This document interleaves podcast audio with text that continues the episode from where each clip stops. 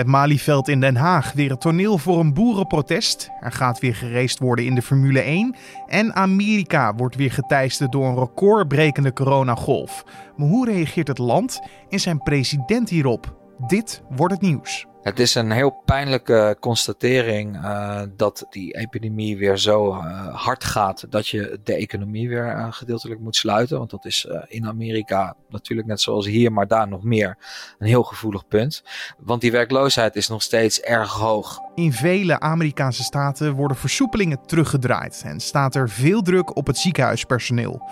De zorgen zijn groot en zelfs delen van het land die niet geteisterd werden door het virus zijn nu ook aan de beurt.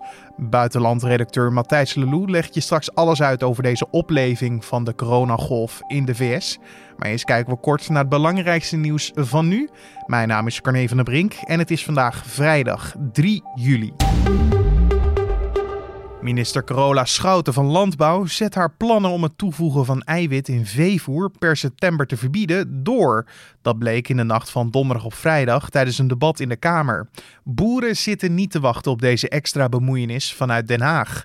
De bewindsvrouw heeft de afgelopen week onderhandeld met de sector om samen tot een uitkomst te komen, maar dat is mislukt. VVD en CDA vroegen Schout om de plannen van de boeren door te laten rekenen door het Planbureau voor de Leefomgeving. De Tweede Kamer heeft ingestemd met die motie van de twee partijen, maar minister Schouten gaf eerder al aan dat niet te zien zitten. Volgens haar omdat hier te weinig tijd voor is. Het was nachtwerk voor de politiek, maar ook voor de boeren, want zij kwamen met een spontane actie. Want een groep boeren was donderdagavond met de trekker naar Den Haag gereden voor een boerenprotest tegen maatregelen op het gebied van veevoer en stikstofproductie. Ook in andere delen van het land werd donderdagavond geprotesteerd. De boeren hadden zich verzameld in de omgeving van het Binnenhof om daar actie te voeren tegen de maatregelen. Het zou gaan om ongeveer 20 trekkers. Het Binnenhof werd daardoor afgezet door de politie. In totaal waren er volgens de voorman van Farmers Defence Force zo'n 200 boeren in de stad. Ook in Groningen, Breda en Leeuwarden werden trekkers gesignaleerd. De boerenorganisaties hebben laten weten vandaag weer in actie te gaan. Daarover later meer in deze podcast. En supporters die komend seizoen in het betaald voetbal de coronaregels overtreden, kunnen in theorie een stadionverbod van drie maanden krijgen. De KNVB benadrukt echter dat een dergelijke straf puur is bedoeld als stok achter de deur en dat de kans minimaal is dat er daadwerkelijk straffen worden uitgedeeld. Vorige week werd bekend dat er vanaf komend seizoen weer toeschouwers welkom zijn bij de wedstrijden in het betaald voetbal. Het is straks echter niet toegestaan voor aanwezige supporters om bijvoorbeeld liederen te zingen of te juichen bij een doelpunt. Mochten ze zich niet aan de regels houden, dan zou de KNVB dus zware straffen kunnen uitdelen. Maar dat is dus niet de wens van de voetbalbond. De gemeenteraad van Rotterdam heeft donderdagavond besloten een derde termijn voor burgemeester Abu Taleb te steunen. Dat schrijft Rijnmond.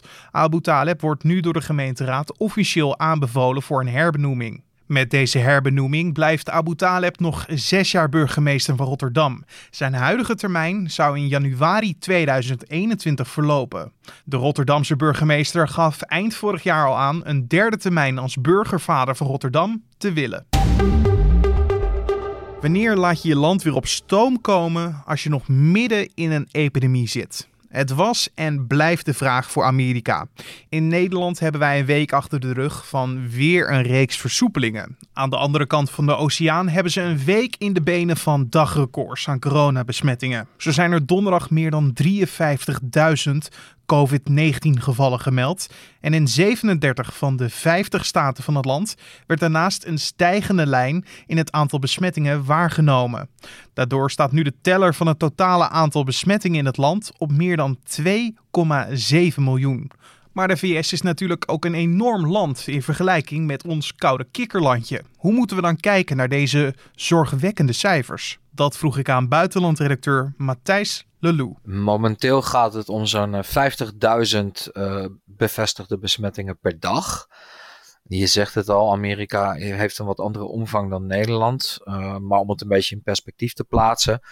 In de VS woont ongeveer 4% van de wereldbevolking. Uh, maar het land heeft ook te kampen met ongeveer een kwart van het aantal uh, besmettingen en uh, overlijdens door het coronavirus. Dus de VS wordt wel onevenredig hard getroffen. Ja, en een reden dat de lijn niet naar beneden gaat, maar juist omhoog, is volgens mij omdat het coronavirus zich door het land aan het verspreiden is naar verschillende staten. Hoe ziet dat er ongeveer uit op dit moment? De pandemie die begon in de VS uh, met een aantal uh, grote brandhaarden. New York was daar de grootste van. En uh, New Jersey, wat er zeg maar praktisch aan New York City vastzit. Dus dat is een zeer verstedelijk gebied.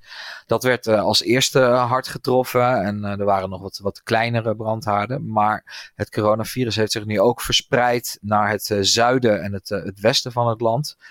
Uh, dan heb je het over uh, voornamelijk republikeinse staten, zoals Texas, de grootste rode staat, om het even zo te noemen. Dat uh, geldt nu samen met Arizona en uh, Florida als uh, het nieuwe epicentrum van de corona-epidemie. En ook in Californië, een, democratische staat, waar vanaf het begin veel strenger werd ingegrepen met maatregelen.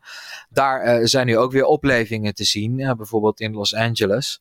En ook in New York lijkt er weer een beetje een stijgende lijn in te zitten. Ja, het virus verplaatst zich dus, maar de plekken waar voorheen brandhaarden waren, zoals New York, die worden niet gespaard. Die krijgen ook weer een nieuwe golf. Ja, je ziet dat, uh, dat inderdaad ook daar uh, de besmettingen weer stijgen. Deskundigen die zeggen dat het uh, voornamelijk te wijten is, landelijk, aan te snelle versoepeling van lockdown-maatregelen.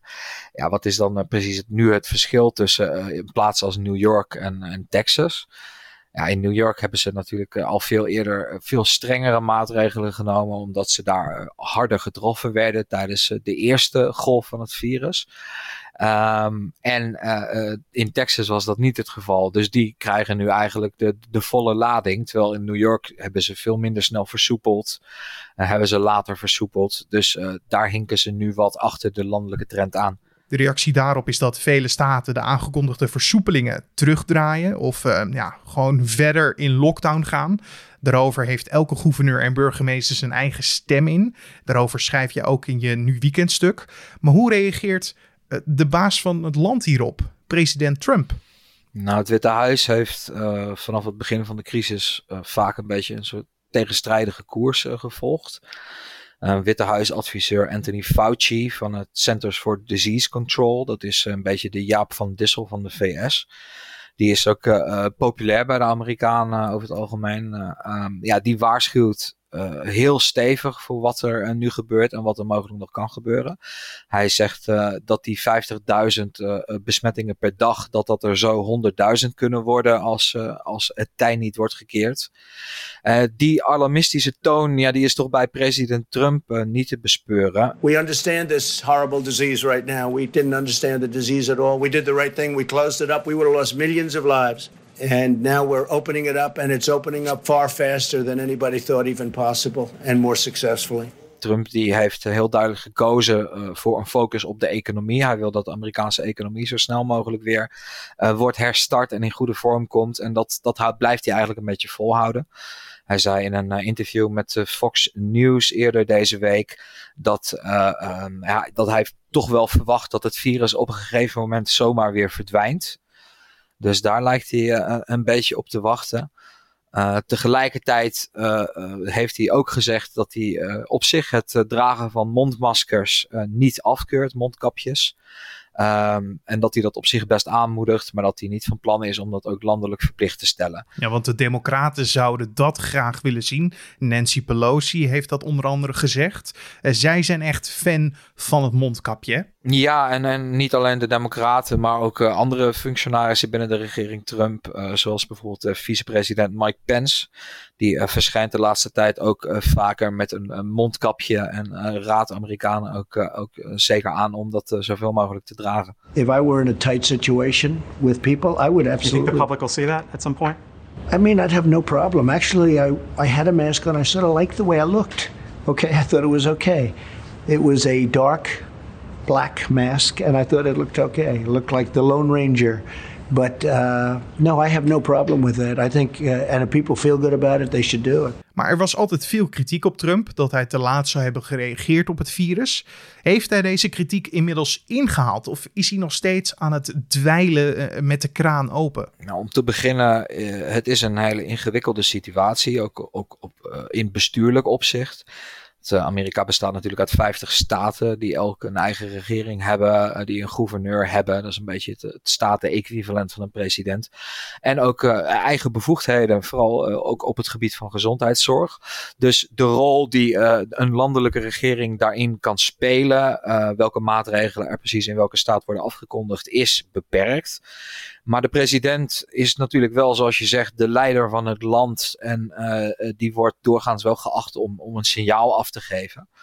Uh, en, en president Trump die heeft zich volgens zijn critici op dat front bepaald niet onderscheiden in deze crisis. En uh, het uh, lijkt er momenteel niet echt op dat hij echt van toon verandert.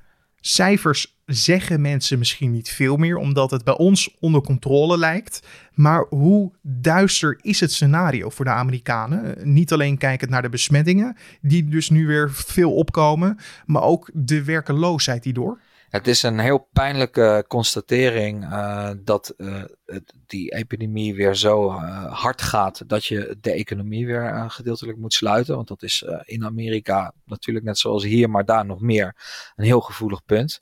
Want die werkloosheid is nog steeds erg hoog.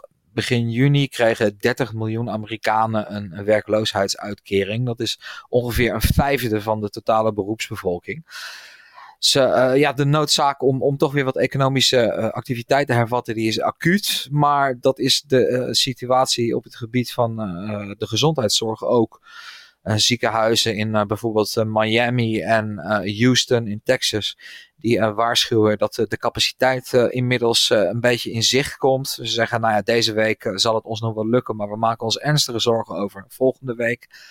Uh, het Amerikaanse testbeleid, ja, dat loopt ook nog een beetje achter de feiten aan. Uh, laboratoria en uh, epidemiologen die waarschuwen dat er meer tests nodig zijn dan er momenteel kunnen worden gedaan. Dus het is een lastige afweging. En zouden wij in Nederland misschien Amerika in het achterhoofd moeten houden als het gaat om hoe snel we onze toch wel teruggegeven vrijheid ook weer kunnen verspelen? Ja, het lijkt toch wel waardevol om uh, er lessen uit te trekken wat er daar gebeurt. En uh, nou ja, dan kun je vooral kijken naar een uh, plek zoals New York City, waar het virus, de piek die was afgevlakt, er was een, een plateau. En uh, toen kwamen de versoepelingen en toen schoten ook het aantal besmettingen weer omhoog. Het is uh, denk ik heel moeilijk om uh, dat verband te ontkennen. En ik denk dat we hier ook in Nederland wel lessen uit kunnen trekken. Dat was buitenlandredacteur Matthijs Lou. En voor dit weekend heeft hij ook een nieuw weekendstuk geschreven over dit onderwerp. Deze vind je aan het eind van de middag vandaag op de voorpagina van nu.nl. En kan je het hele weekend op je gemak lezen. En dan wat er verder te gebeuren staat vandaag. Enkele boerenorganisaties, waaronder Argractie, heeft haar achterban opgeroepen om vandaag tussen 10 uur en 11 uur ochtends naar het Malieveld in Den Haag te komen. Om te protesteren tegen de stikstofmaatregelen die worden getroffen. In de nacht en ochtend arriveren de trekkers. Het podium is geregeld, evenals geluid en een aantal sprekers. Al dus de belangengroep. Het programma start om 12 uur en duurt om en bij een uur. Agractie roept de demonstranten wel op zich aan de coronamaatregelen te houden. En de Formule 1, die gaan voor het eerst de baan weer op sinds de wintertest in Barcelona eind februari. Vandaag zijn de eerste trainingen en de race is zondag om 3 uur. De eerste GP sinds het uitbreken van de coronacrisis is de start van een reeks van voorlopig acht races, die waarschijnlijk allemaal zonder publiek worden afgelegd. Volgende week is er nog een race in Oostenrijk. De week erna doet het circus Hongarije aan. En vandaag zullen de experts van de Boordradio podcast, dat is de Formule 1 podcast van nu.nl, een voorbeschouwing opnemen voor dit raceweekend. Heb je vragen voor de kenners? Mail dan naar podcast.nu.nl en de uitzending kan je rond het middaguur op de voorpagina van nu.nl vinden en in je favoriete podcast app als je zoekt naar Boordradio. En dan het weer. Uitgestrekte wolkenvelden en enkele opklaringen wisselen elkaar af vrijdagochtend. Lokaal kan er een enkele bui vallen. In de middag klaart het op vanuit het westen. Het wordt bij een matige tot krachtige aantrekkende zuidwestelijke wind 18 tot 22 graden. En om af te sluiten nog even dit. De Broadway-voorstelling van Hamilton draait vanaf vandaag weer. Nee, niet in het theater zelf, maar op Disney. Als kijker krijg je het verhaal mee van misschien wel een van de onbekendste founding fathers van de Verenigde Staten. De film zou oorspronkelijk dit najaar in de bioscoop draaien, maar door de coronapandemie is nu gekozen voor het streamingplatform Disney. Je hoort collega Julien Dom in gesprek met filmjournalist Robert Blokland. Nee, klopt. Eh, de, opnames zijn gemaakt in juni 2016, toen de oorspronkelijke cast zeg maar, nog in de voorstelling zat. En Disney heeft hem eigenlijk aangekocht om volgend jaar in de bioscoop uit te brengen. Volgend jaar uh, eind 2021 was de planning. Alleen uh, toen corona uitbrak en toen bleek dat echt alle theaters ter wereld langere tijd gesloten waren, kregen ze heel veel reacties van mensen die kaartjes hadden en zeiden van shit, we willen die voorstelling zo graag zien. kunnen jullie niet iets voor ons betekenen? Want het was duidelijk dat die opnames gemaakt waren, dat wist iedereen. En toen hebben ze overlegd met Disney Plus, de makers, van nou ja, misschien moeten we hem gewoon op Disney Plus zetten. Um, om, om zo de voorstelling het komende jaar voor mensen toegankelijk te maken. Het is natuurlijk wel een risico wat je neemt. Want gaan mensen dan over een jaar nog wel kijken als theaters weer open gaan. Maar ik denk eh, wel dat dat het geval is. En het is natuurlijk wel, je maakt er heel veel mensen gelukkig mee. die dus het komende jaar de voorstelling niet in het theater kunnen zien. Wat is nou het verschil tussen de theatervoorstelling en deze eh, filmvoorstelling die we kunnen bekijken op Disney Plus? In principe is er geen verschil. Het is dus een registratie van de theatervoorstelling in het theater in New York. Uh, met de oorspronkelijke cast. Die mensen hebben dat dus een jaar gespeeld, die rollen. En waren helemaal op elkaar ingespeeld. Die waren helemaal nou ja, in een enorme extase van alle prijzen die ze gewonnen hadden. Alle recensies, alle reacties. Um, alleen het is op een ontzettend goede manier gedaan. De voorstelling is drie dagen gefilmd. Met uh, in totaal geloof ik tien camera's en honderd microfoons. En de regisseur en de cameraman hebben uh, wekenlang bestudeerd van waar moeten wij bij welke scène staan is 2,5 uur. Maar dat je bij elke scène weet van wat moeten we filmen om het verhaal zo goed mogelijk in beeld te brengen. En daardoor uh, ervaar je de voorstelling op een manier die je in de zaal nooit kan ervaren. Je, zit, je staat op het podium, er hangt een camera uh, boven het podium, dat je zeg totaal shots van het, van het, van het, van het podium krijgt, zeg maar, van de dansers, et cetera. Je ziet ook de gelaatsuitdrukkingen van de acteurs veel beter. Je hoort de teksten op een manier zoals je ze in het theater eigenlijk nooit kan horen. Want je, het zijn altijd dingen die niet verstaat, omdat je naar mensen doorheen lachen of zo, of doorheen hoesten. I'm past patiently waiting, I'm passionately smashing every expectation, every action's an act of creation. I'm laughing in the face of casualties of sorrow. For the first time I'm thinking past tomorrow. Dus eigenlijk je zit je echt in eerste rang zoals je dat in theater nooit kan ervaren. En dat geeft een extra dimensie aan, aan het verhaal en aan de musical. En Robert, uh, over extra dimensie gesproken, het onderwerp is natuurlijk actueler dan ooit. Uh, ja, ja, het is een voorstelling die gaat over een van de founding fathers, Alexander Hamilton. Uh, onder meer de man die het uh, financiële systeem onder de VS bedacht heeft. En hij was een immigrant. En hij werd daardoor een beetje uit geschiedenisboekjes geveegd na zijn vrij onfortuinlijke dood. Um, en het is bijzonder dat dat verhaal verteld wordt. en het verhaal is ook gespeeld door donkere acteurs allemaal. Terwijl natuurlijk de founding fathers waren allemaal witte mannen. Maar daarmee wilde de maker beklemtonen dat Amerika een land is wat door immigranten is opgebouwd. En wat de voorstelling zo bijzonder maakt, is dat je dus duidelijk krijgt wat een moeilijk land Amerika is. Dat er zoveel uh, polariserende meningen en belangen zijn, maar dat, dat juist door die diversiteit dat het land ook zo'n mooi land geworden is. En dat is natuurlijk een enorm actueel thema als je kijkt naar de manier waarop het Witte Huis nu gerund wordt, uh, uh, de, de, strijd die er is, de Black Lives Matter beweging. Het past helemaal in de geest en de, en de gedachte en de boodschap van deze voorstelling. Dat was collega Julien Dom in gesprek met filmjournalist Robert Blokland over wat je kan verwachten van Hamilton. En dit was dan de Dit Wordt Nieuws podcast voor deze vrijdag 3 juli. En het is vandaag een drukke podcastdag bij nu.nl. Want vanmiddag kan je dus de Boordradio podcast verwachten.